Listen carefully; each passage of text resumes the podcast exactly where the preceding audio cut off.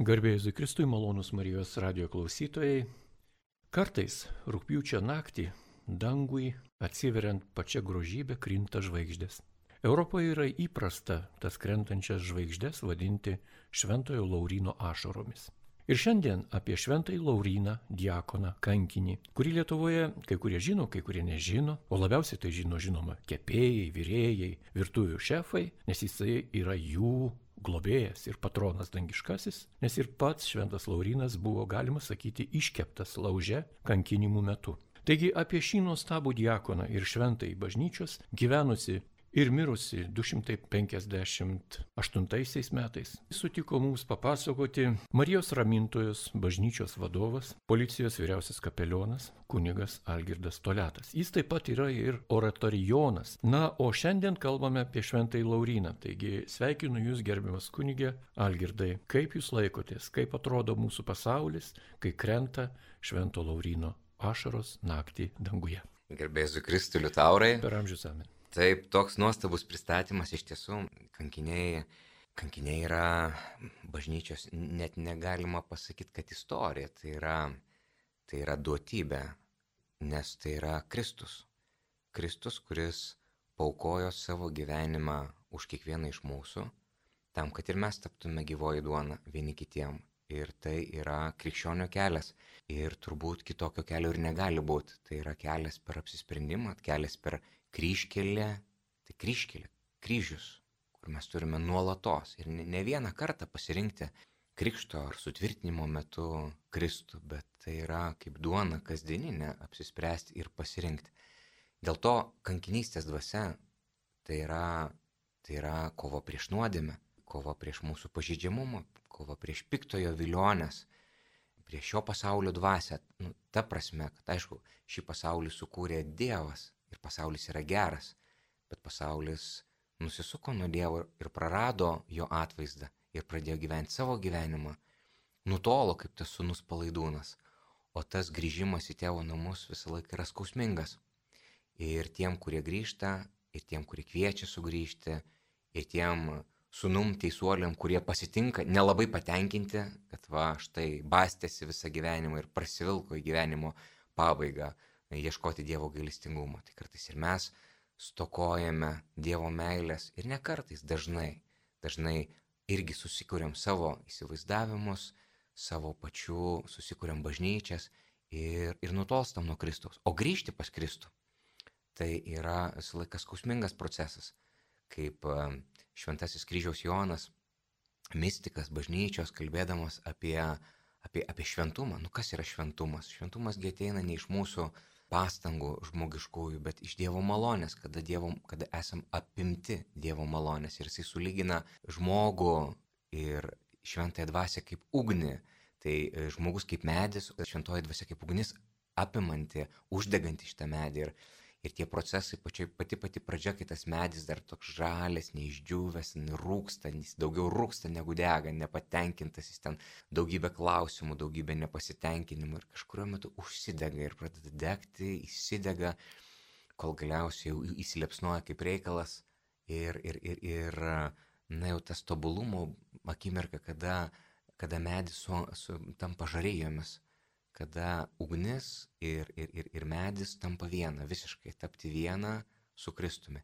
Ir, ir šitas procesas yra ilgas ir ne veltui šiandien šitas pavyzdys labai tinka šventojo Laurino, nes jisai buvo iš tiesų taip nukankintas, kaip minėjo Liutauras, kad labai dažnai kankiniai tampa globėjai, vat, tarkim, vat, kaip jūs sakėte, ar vyrėjų, atrodo, nu, kaip čia dabar taip, kad įdomi ta bažnyčios tradicija.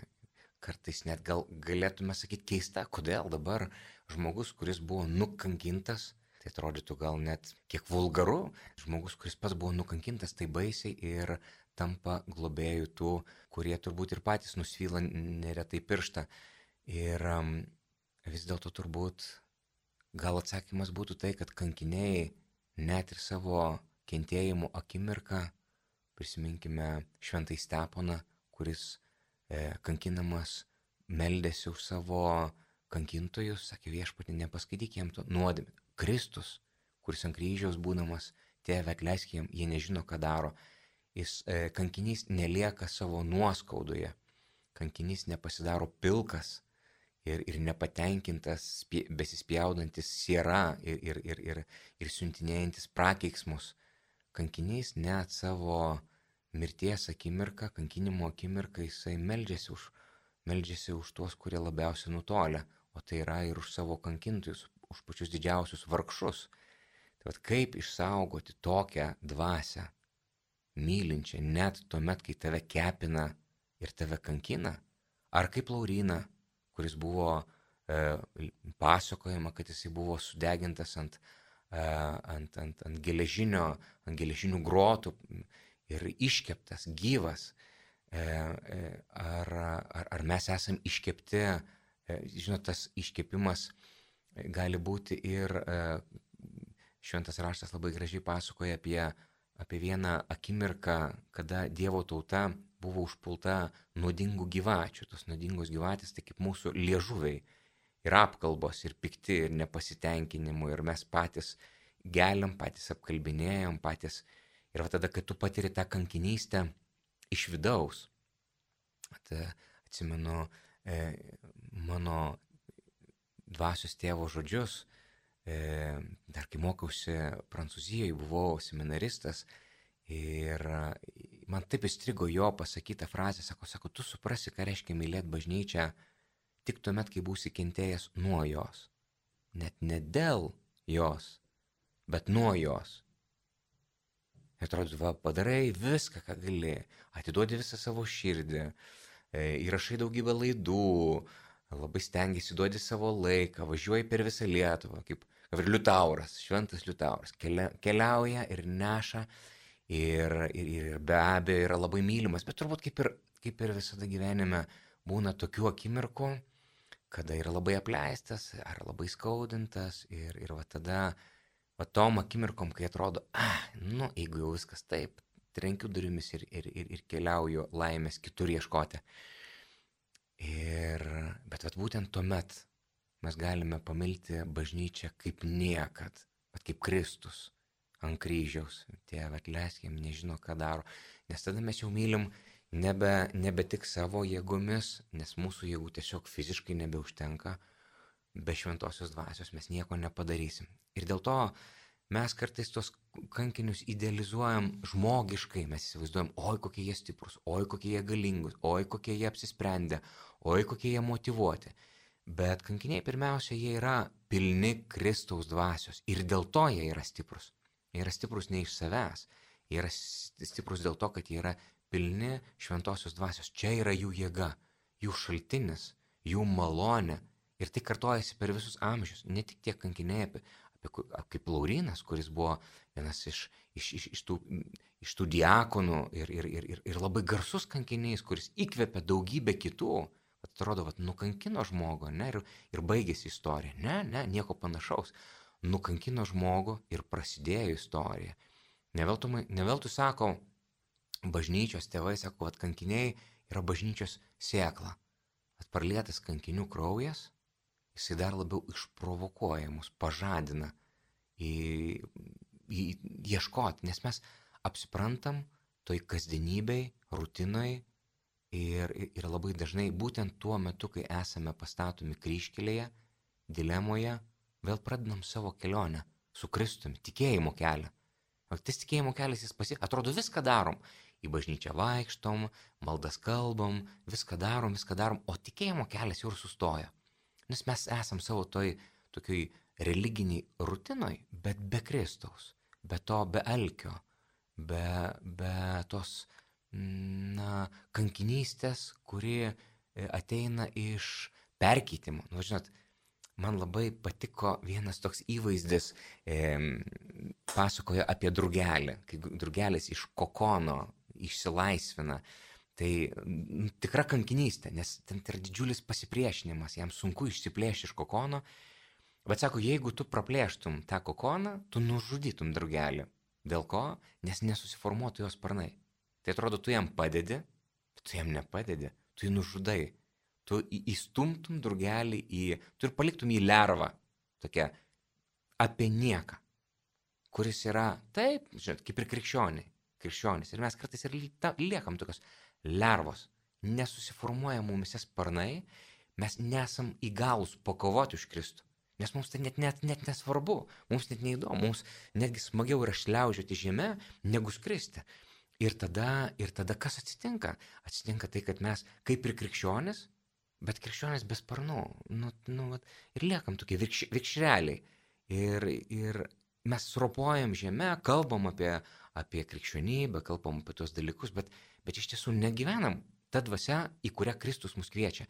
Nes Kristaus dvasia yra daugiau negu mes patys galim susigalvoti patys savo, net ir visi tie geri darbai. O čia, kur dažnai pakimba krikščionybė. Taip, mes darom gerus karitatyvinius darbus, kaip ir Laurinas, diakonas, jis buvo atsakingas už socialinę rūpybą, už, už, už rūpestį, bet dar labiau negu tiek visi socialiniai dalykai. Jam rūpėjo Kristus, nes didžiausia vertybė, didžiausia dovana, didžiausias turtas tai nebuvo bažnyčios kasa, kurią jis įspėjo išdalinti prieš savo kankinystę vargšam. Ne, didžiausia, didžiausias turtas yra Kristus ir va čia turėtume savęs paklausti. Nu ir ne tik, kad šiandien, nuolatos, bet šiandien taip pat. Ar iš tiesų Kristus yra didžiausias bažnyčios turtas ir jeigu taip, tai kaip mes jį dalinam? Kaip mes dalinamės juo?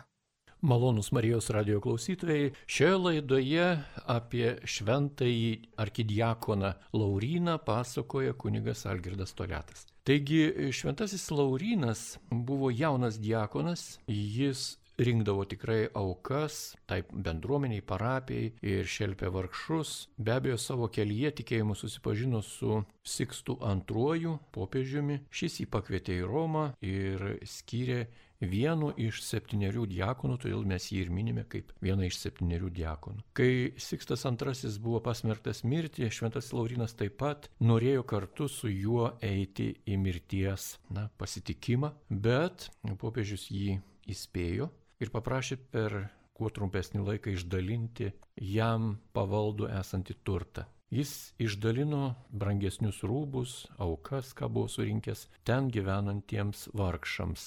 Ir kai atvyko Romos prefektas ir paprašė Šventojo Laurino atiduoti visą bažnytinį turtą jam, jis tiesiog parodė į šalia esančius vargšus, ligonius, kurie buvo prisiglaudę prie tos bažnytėlės ir pasakė, štai čia yra bažnyčios turtas, pasiimkite. Už tokį žulumą, žinoma, jisai buvo įmestas į kalėjimą, vėliau labai žiauriai, ypatingai žiauriai, nukankintas ir jo kančia bei jo gyvenimas apaugo įvairiausių pasakojimų, net mitų, gražių patarimų ir legendų, tokių didžiulių kultūrinių sluoksnių. Iki ketvirto amžiaus jis, žinoma, buvo vienas iš tokių žymiausių šventųjų, garbinamas, primenamas, jo pavyzdžiui buvo ugdomi vaikai, jaunimas ir bažnyčia augo. Taigi, kunigė Algirdai, kaip ir šiais laikais kunigai yra tokioj sunkioj padėti, jie yra priskiriami labai rizikingai profesijai. Juos įvairūs režimai, diktatūros žudo,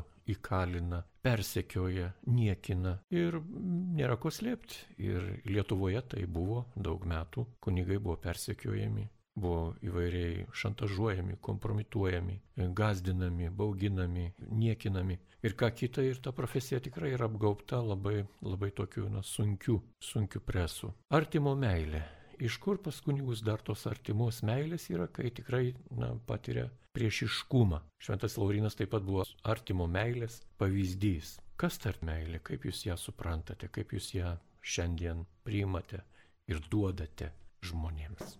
Iš tikrųjų, bažnyčios persiekėjimas buvo visais laikais ir, ir kartais mes žiūrime į, į tą fenomeną kaip į istorinę, atrodo, va, čia buvo, net ir kai kalbam apie mūsų sovietmečio istorija, ar ne, tai kuri dar nėra taip ir sen, čia, čia palyginus šimtas metų net neprabėgo, kai iš tiesų žmonės buvo ne tik kunigai dėl savo tikėjimo, tremiami, persikiojami ir kartais atrodo niekada tai nepasikartos, bet vat, ką žmonės sakė po antro pasaulinio karo, niekada daugiau. Ir ką mes dabar matom Ukrainoje, kas vyksta, Ir ne tik Ukrainoje, ir daugybė šalių, kur vyksta karai, persikimai, žeminimai, niekinimai. Bet mes matom, kad istorija turi tendenciją pasikartoti. O ką tai reiškia? Tai reiškia, kad mes turime būti tam pasiruošę ir būdėti. Būdėkite ir melskitės. Jeigu mes prabėgus tam tikram laikui pamirštam ir nebesisaugom. Ir ne, na, na, tiesiog mes turime remtis į savo kankinių, mes turim pirmas dalykas - prisiminti, minėti ir ne tik kaip, kaip praeitį, bet kaip, kaip dabartį. Dabar tie dalykai vyksta. Aišku, Lietuvoje vėlgi yra pakankamai sudėtinga kalbėti, nes nu, žmonės, žmogus greit užmiršta. Labai greit pasimiršta tie dalykai. Vat. Tai kaip jau minėjau, šimtas metų neprabėgo, mes jau, mes jau neatsimenam. Mes neatsimenam pirmo pasaulinio karo, kas čia buvo, kodėl, kaip ir antras pasaulinis, tie, kurie yra gimę vėliau, tie žmonės, kurie iš pokario, kurie patyrė tremti dar vienaip, dar turi kitokį tą prisilietimą, bet, bet žmonės vėlesniais metais gimę, jie žiūri tai kaip, na, nu, kažkokia tai istorija, kuri buvo kažkada, nu, čia atrodo prie, dar prieš Jėzų Kristų. Ir atrodo, nu, niekada tai nepasikartos. Tai va, tai ir mums tai tampa, na, nebeliečia mūsų tai. Mes taip, taip žinom, kad taip, taip, nu jo buvo kažkur istorijos vadovėlis. Bet ką padaryti, kad tai nepasikartotų? Vat, ir tam, kad, tarkim, pavyzdžiui, mobilizuoti žmonės ir pakviesti, sakyti, palaukti. Vat, mes šiais metais minime 50 metų kronikos, bažnyčios kroniką.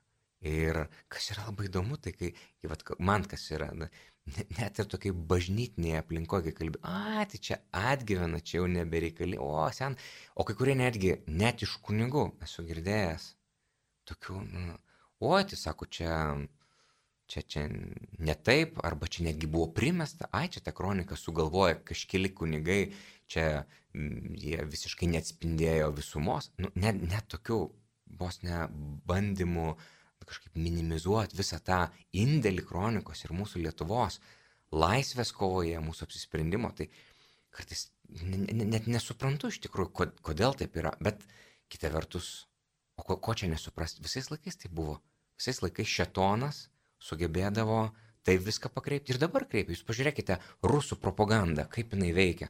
Ne, ne, ne, tai čia mes nieko ne, nepuolėm. Ne, mes čia nepuolėm. Ne, ne, čia ne mūsų kareiviai, čia žali žmogeliukai. Ne, čia mes tikrai, ne, čia ne mes šaudėm, čia kažkas paleido tas. Ne, čia, čia jūs patys paleidot. Ir va ta tokia propaganda.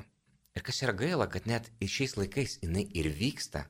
Ir, ir, ir, ir kaip minėjau, vyksta ir bažnyčios viduje. Ir vėlgi, kodėl taip atsitinka? Nu, labai sunku pasakyti, ar čia, ar čia šetonas taip sugeba susukti galvas ir apsukti ir viską tai perversti, kad, kad nu, ir sovietmečiųgi žmonės buvo tokių, kurie tikėjo, kad Leninas, Stalinas tai yra šviesa, tai yra gėris, tai yra patys gražiausi buvo žmogaus teisės. Ant kokio pagrindo yra pastatyta, pastatytas komunizmas? Tai ant darbuotojų, sulyginti, kad tos buržujus, kurie čia susigrobė visus turtus, reikia juos išbožinti, o turtą padalinti visiems po lygiai - brolybė, lygybė, vienybė. Čiagi šitie lozungai buvo, ne, nebuvo kažkokie mes vešim jūs į lagerius ir, ir žudysim. Nu, de facto buvo taip. De facto tai buvo baisios žudynės, skirdynės ir labai puikiai tai yra pavaizduota gyvulių ūkija Orvelo. Vertėtų perskaityti, nes ta nes ta situacija vis pasikartoja, tik skirtingais atspalviais, skirtingom vaivorykštės spalvom, nušvinta ta pati istorija. Ir, ir, ir, ir svarbiausia, kad ta istorija nušvinta ne tik ten Rusijoje, kur atrodytų, nu, tokia jau, jau tokia, kaip čia, nu, tokia šaknis, bet, bet, ir, bet net ir Europoje, kiek yra, na, va, palaikančių ir, ir, ir, ir, ir, ir, vat, visą tą tokią, to, šitą judėjimą turi, nu, ir, ir tarytum perrašo istoriją Jie sako, ne, ne, ne, čia viskas gerai, jūs netaip supratot. Arba atranda naujus būdus, naujus lozungus, naujas kovos tokias. Ir va čia reikia labai, labai išmintingai pažiūrėti, nes kartais lozungas gali skambėti nu, labai, labai, labai gražiai, labai, labai kilniai.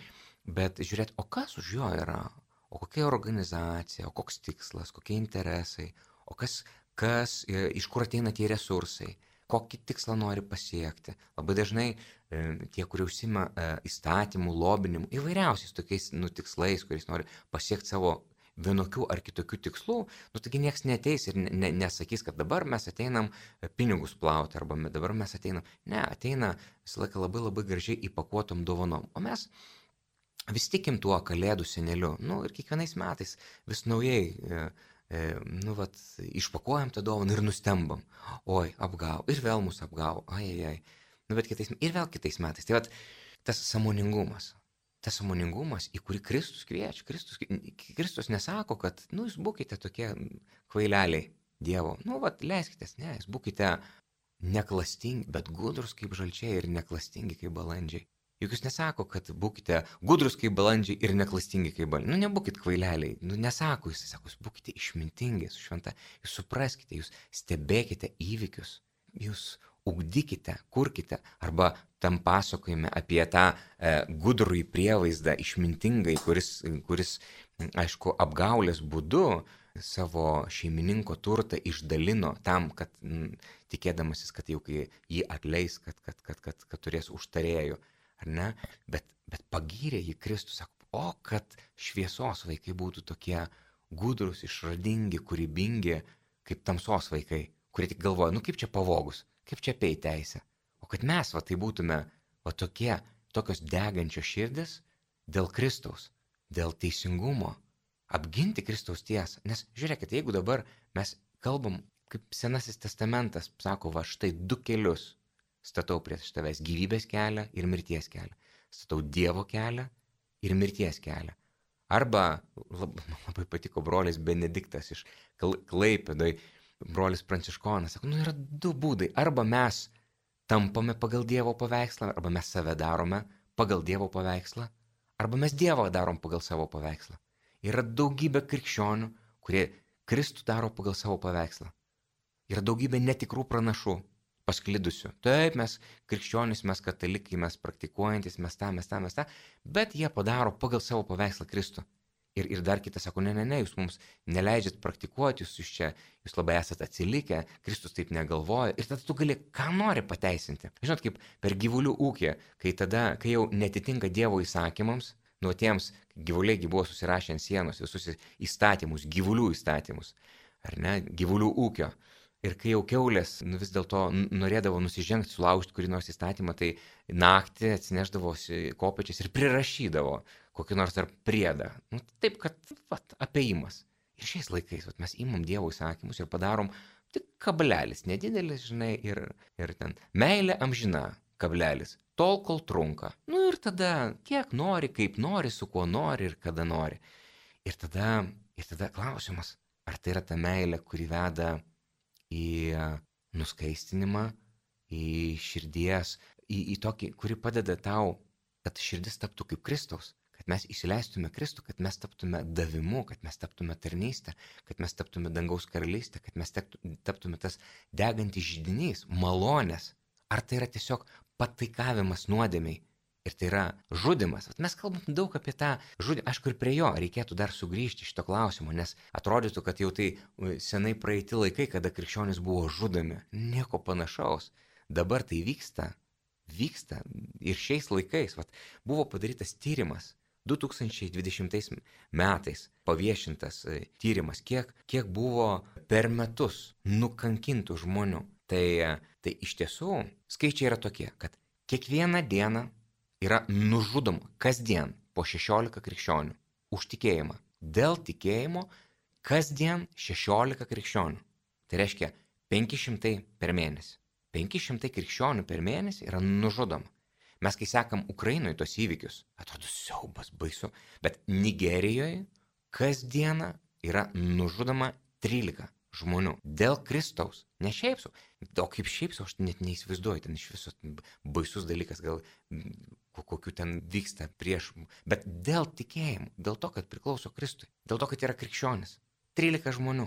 O kiek yra pagrobiama, kiek yra prievartaujama, o kiek yra suluošinta, o kiek mes dar nežinom. Čia yra oficiali statistika - 13 žmonių per dieną. Va tiek, kiek mes žinom. O kiek yra tų, kurie tiesiog dingo be žinios.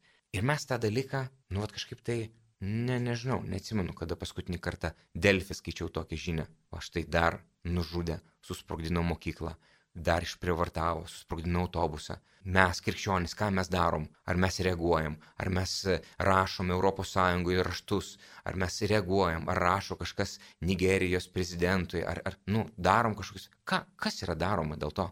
Nu, toks nu, normalu, viskas, viskas tvarkoja.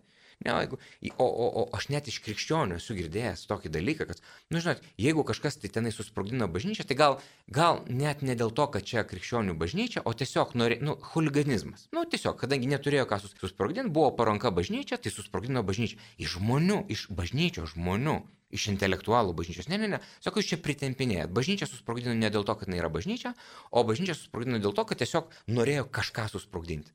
Tai aš galvoju, bet palaukit, ar, ar Vokietijoje, kai vyksta, to, to, ar, ar išniekinimai, sudaužomos, sudaužomos ten statulos, su, su, paveldas ir taip toliau, ir, tada mes bandom kažkaip išsukti, ne, ne, ne, čia žinokit, čia ne prieš tikėjimą, čia tiesiog, čia, nu, va, žmonės, nu, gal pagalvoja, gal nepagalvoja, Vietoj to, kad mes vadintume dalykus savo vardais ir reaguotume, ne, ne, ne, apviniojam vata ir, ir, ir, ir tik nekalbėkime apie šitos dalykus. Nes nedaug dievų, nu visi nesinori, čia galbūt kažkoks tai bus nemalonumas, gal konfliktas, gal reikės kalbėti apie nepatogius dalykus. Ne, gal mes, kaip šventame rašte parašyta, atsukim kitą skruostą, tegu tik tai dubasina, tegul tik daužo. Bet didysis klausimas, ar mes tą skruostą atsukam dėl Kristaus, iš meilės Kristui, ar iš patogumo ir konformizmo, dėl to, kad mums tiesiog nusispjauti Kristus ir jo bažnyčia. Ir kas yra likę, tik tai tradiciniai, žinai, nu, va, tradicinis kažkoks patenkinimas savo dvasinių poreikių, kur nueinam. Va čia didysis klausimas.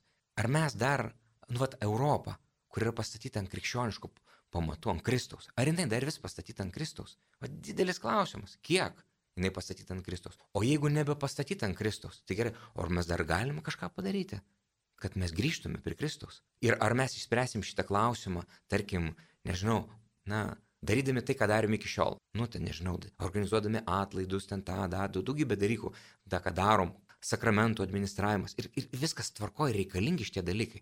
Bet jeigu yra tik tai tai, mes matom, kad einam žemyn, o kankinimai eina aukštyn, nes per metus 23 procentais paaugo, lyginant nuo 22 metų, kiek buvo nužudyta 21 metais, 23 procentais daugiau yra. Auga ta kankinystė. Ir ta kankinystė persiekimai. O kiek dar tokių, va, tai čia tokia jau brutalus persiekiojimas. Ir, ir žinot, kiek yra šalių? Paskaičiuota, kad 50 šalių pasaulyje, kur krikščionys yra persiekimai. Taip, ta prasme, aktyviai. 50 šalių. Iš viso tose šalise gyvena 36 milijonai krikščionių. 36 milijonai krikščionių per 50 skirtingų šalių yra persiekėjami per metus. Įsivaizduojat, kokie tai yra skaičiai. O tai ką mes kalbam apie tai? Kiek mes komunikuojame? Ar mes pakankamai melžiamės, bent jau malda? Ar mes dėl to nors kartą naktį prabundam ir pagalvojam apie tai, kad Žmonės praranda gyvybės dėl Kristaus. O ką mes darom, kad mes liktume karšti dėl Kristaus? O kaip mes mobilizuojamės? Ar mes mobilizuojamės? Žinot, aš jums pasidalinsiu tokia patirtim. Yra tokia krikščionių e, profesinė sąjunga. Aišku, skamba gal, žinot, kaip visos tos profsąjungos, tai jos visą laiką turi tokį prieskonį, nu gal netgi ne pati geriausia ateinant iš sovietmečių dar reliktojų iš laikų. Bet mintis yra, kad žmonės, kurie savo darbo vietose, gydytojai, mokytojai, galiausia net ir, net ir verslo įstaigose žmonės jau yra nu, pozicionuojami. Tu palaikai ar nepalaikai, ar eisi į kokį nors paradą ar neisi. Ir jeigu ne, tai tada, o kodėl? Ir tada jau tiesiog lendama yra į tavo dušę. Čia jau neina klausimas apie tai, kad ten, nu tiesiog, arba į tavo šeimos gyvenimą, arba, nu, vat, man tai yra skandalas, kad, pavyzdžiui, Norvegijoje Vat krikščionė, jeigu tu ugdai krikščioniškai savo vaikus, sakydamas, kad vat, šeima yra vyras, moters, vyras ir moteris, pagal bažnyčios mokymą šeima yra vyras ir moteris. Tai tave išsikviečia, ar gali įsikviesti, ir čia yra konkretus atvejai, mokyklos psichologai sako, žiūrėkit, jūs čia iškreipėt visą vaizdą, nes šeima nėra tik tai vyras ir moteris, nes gali būti ir dvi moteris, ir du vyrai, ir taip toliau ir panašiai. Prašom pakeisti, jūs čia vaiką destabilizuojat ir, ir, ir, ir prašom mokyti teisingai. Tai, tai pala, tai šeima nebeturi laisvės Bet ar tai yra normalu? Tai gerai, tvarko, aš suprantu, kad gali būti tokių šeimų, kurios taip supranta ir taip auklėja, taip, bet yra ir kitokių šeimų, kurios norėtų auklėti kitaip. Ar mes dar turime laisvę? Ir klausimas, ar dar yra laisvė? Nu prisiminkime tą parlamentarę Suomijoje Rasenen. Iki dabar vyksta procesai, iki tampo ją po teismus. Ir dar net neaišku, kuo viskas pasibaigs. Generalinė prokuratūra, didžiausios jėgos yra mestos valstybiniu mastu. Dėl to, kad pasakė, pasisakė savo krikščionį ir net neprimetė. Ten viskas prasidėjo nuo to, kad, nu, sako, ar tikrai dera dalyvauti paraduose aktyviai, bažnyčiai. Nu gerai, tvarko, visokius, visokius mes priemam, viskas tvarko, Kristus myli visus, bet ar tikrai mes aktyviai turėtume dalyvauti? Juk vis dėlto Kristaus mok, bažnyčios mokym. Ir, ir dėl to kilo didžiausi skandalai. Ir žmonės yra įbauginami. Ir kas atsitinka? Žmonės pradeda bijoti.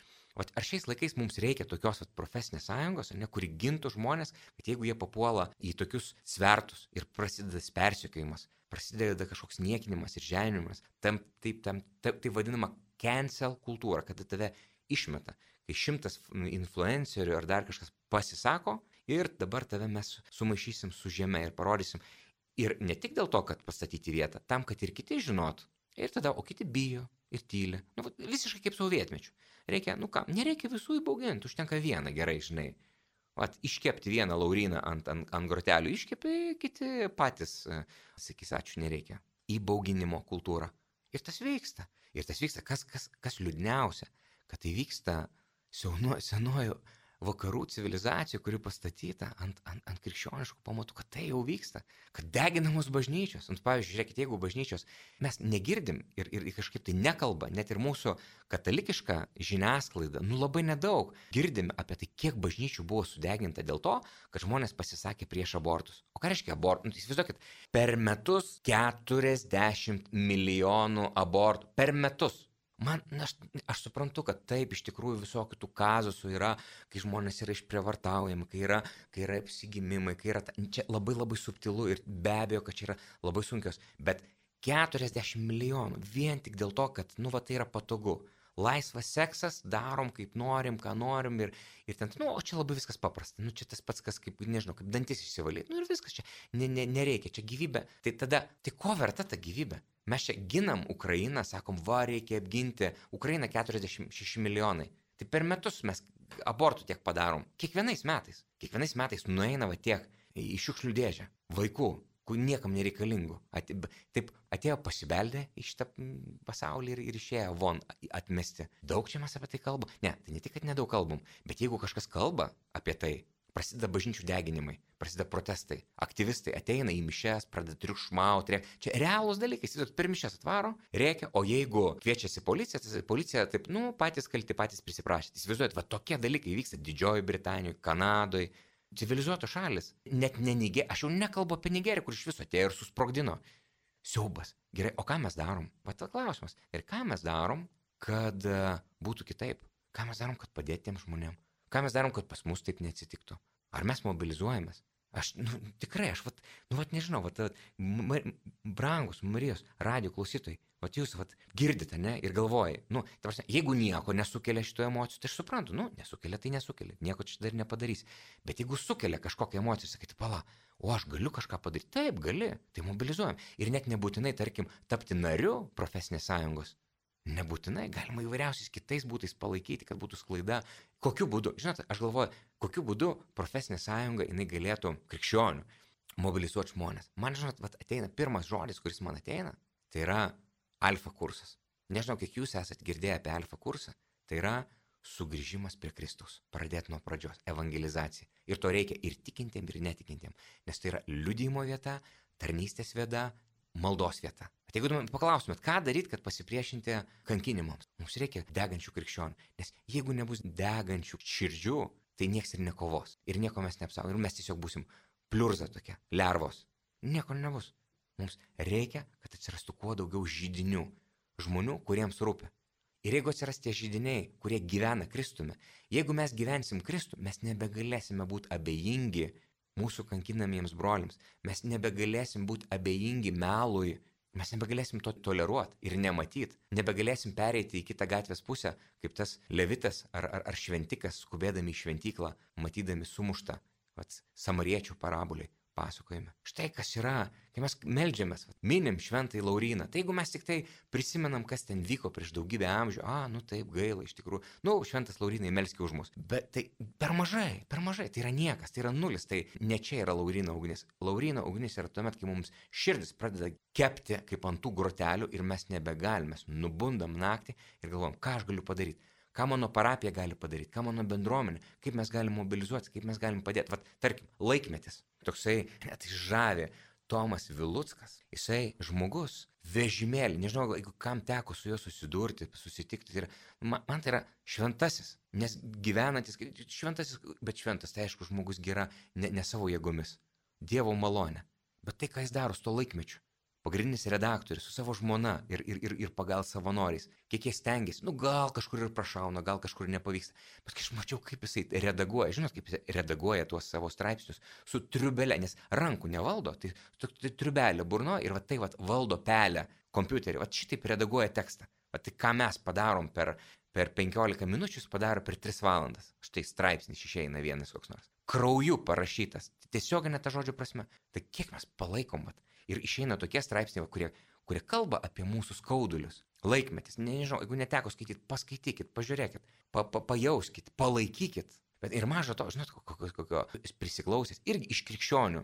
O ne, sako, čia Kremlio rūporas, jisai čia, e, čia prieš bažnyčią, čia jisai kiršintojas, čia, čia su, čia, čia žinot, dabar šiais laikais yra Vat lygiai taip pat kaip gyvulių ūkio laikais. Geriausias būdas, kaip keulės, ne, kaip jos eliminuodavo savo priešus. Jos tiesiog pasitengdavo samokslo teoriją. Aha, čia yra samokslas, čia prieš gyvulių ūkį, čia nusis. Ir žmonės, ir va tie gyvuliai, ne patys save įduodavo, prisipažindavo, iš tikrųjų taip aš esu, iš tikrųjų buvau, nu va čia tos iškrypusios sistemos, kan, nu va privaryti tiek, kad, kad nu va, nu ir tada mes kaip tautos priešą sunaikinam. Aha, nu va, čia iš Kremliaus. Ai, čia su rusais, čia putinistas, čia ta. Nu, užklijuoji tokia etiketė ir nutildytas, vad, cancelinimo kultūra. Ir tas vyksta. Nu, bet reikia, nu, kažkiek tai sveiko proto turėti, kad jeigu mes tikime, nu, tą šviesiuoju rytuo. Ir kas įdomiausia, kad lygiai tai tie patys lozungai, kuriais Leninas naudojasi, Stalinas ir visa ta kompanija, lygiai tie patys lozungai, tik tai dabar sako, aha, nu tai jūs esate stalinistai, leninistai, bet ta pati muzika net nepakeitė nieko, nu tą patį. Koks yra žmogaus primitivizmas iš tikrųjų? Nu mes ant to pačio greblio lipam non-stop, non-stop. Visą laiką. Žmog, va čia iš žmogaus istorija. Gavai tik iš greblio, dar, dar nenukrito tas kotas greblio ir vėl lipa ant greblio. Ir vėl tik tom pačiom pasakom. Tai va, čia yra žmogaus kankinystė. Ir reikia, kad tas greblys tol daužytų į marmūzę, kol kažkas gal, gal ateis nušvitimas, gal ateis kažkoks, gal, o gal ir neteis, gal ir mirsim, kaip ten sako, išmintis ateina su senatvė, bet dažniausiai senatvė ateina viena. Gal ir bus, dažnai, bet na, Tai vad mūsų kankiniai, į kuriuos mes melžiamės, mes melžiamės ne dėl to, kad pagerbti tam, kas ten buvo, da, tam, kad mes patys labiau taptume šviesus, kad mes pat taptume netokie abejingi, kad mes mobilizuotumės ir kad padarytume tai be pykčio, be, be pagėžos. Pažiūrėkit, kankinių veidai, kokie jie yra, jie yra šviesus, jie spindi Kristumi, jie neperūgė, ne, tokie, žinai, ah, nu palauk, tu gausi, nu atkentėsi, ne, jie dėl to, kad jie yra pilni Kristaus ne žmogiškom kažkokiam jėgom, jie Kristaus gale, šventosios dvasios gale sugebėjo iškentėti visus tos, visą tą negandą ir nešti evangelizuoti. Jie yra evangelijos kleidėjai, jie yra evangelizuojantis.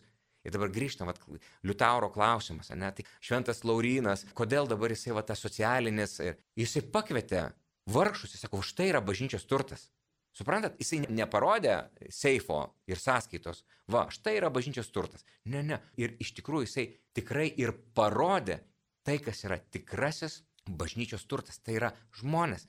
Tai yra palaiminti, kurie turi vargdienio dvasę. Jų yra dangaus karalystė. Bet ne dėl to, kad jie ubagai, dėl to, kad jie alksta Kristaus. Tai yra bažnyčios turtas yra alkstantis Kristaus. Tai net ne vargšai. Tai tie, kurie alksta Kristaus. Jie gali būti vargšai, jie gali būti turtingi, jie gali būti bet kokie. Bet tie, kurie alksta Kristaus, iš tikrųjų, realiai, iš tiesų, va tie yra Kristaus vargšai dėl dangaus karalystės. Apie juos kalba kankiniai. Va čia yra bažnyčios sėkla, ta tikroji.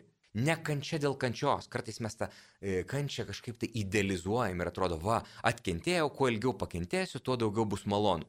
malonių. Kristaus kančios gale yra paskutiniai vakarieniai, kojų plovime, Kristus parodė meilę iki galo. Jis pradėjo plauti mokiniams koją. Euharistija, štai kas yra kankinystės šaltinis ir versmė ir viršūnė.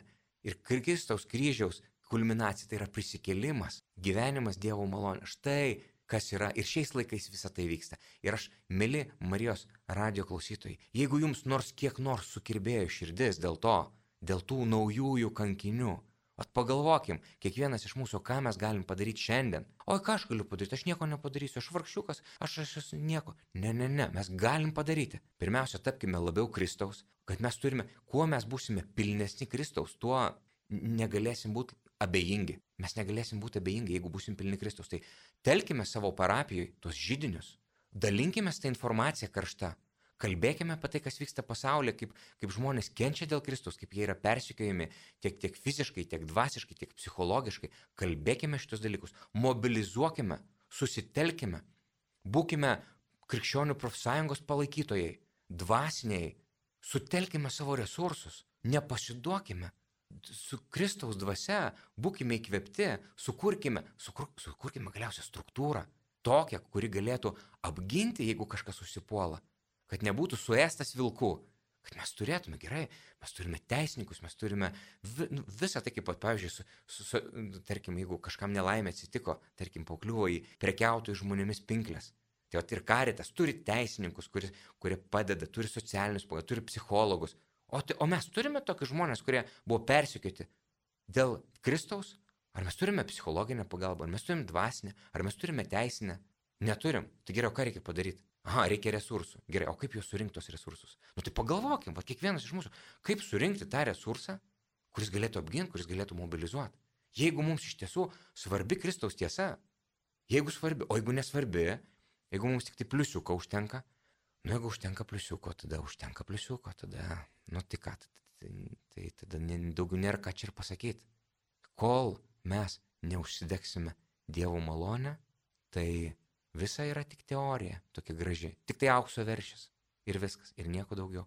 Krikščionybė be Kristaus, kuris yra pirmasis kankinys, vienintelis ir pats aukščiausias, paukojęs visą savo sielą, va, ant kryžiaus, atpirkęs ir sujungęs tėvą, sugražinęs kelias tiesa ir gyvenimu. Be Kristaus ir jo kankinystės bažnyčia yra tik tai kažkokia tai NVO, nevyriausybinė organizacija, viena iš. Jeigu mes pamiršime Kristų, Kristus dvasia, mes, pamir, mes tiesiog iškreipsim Kristaus palikimą. Ir gal ir vadinsimės Kristumi, bet atsistosim, belsim į tas duris, o Kristus sakys, aš jūsų nepažįstu. Su viešpatė mesgi tavo, tavo, tavo vardu skelbėm, rašėm knygas, darėm laidas, evangelizavom ten, e, vargšus maitinam, sakys, aš jūs nepažįstu, jūs ten darėt kažkokią tai kontorą turėjot, žinau, kad girdėjau, jūs negyvenot niekada mano dvasia. Tai vat, leiskime, kad mus šventoji dvasia pačirškintų truputėlį ant laužo, kad mes užsidegtume naujai, nes tai yra kankinių malonė, tai yra bažnyčios kraujas, kankinių sėkla, bažnyčios atgimimas. Leiskime būti atgimdomi šventąją dvasę. Amen. Malonus Marijos radio klausytojai, minint šventąjį Lauriną, diakoną ir kankinį, kuris dėl priklausomybės Kristui buvo persekiojamas ir nukankintas, dėkojame už šį pamokymą ir vedimą bei pasidalinimą savo mintimis kunigui Algirdui Toletui. Likite su Marijos radiju.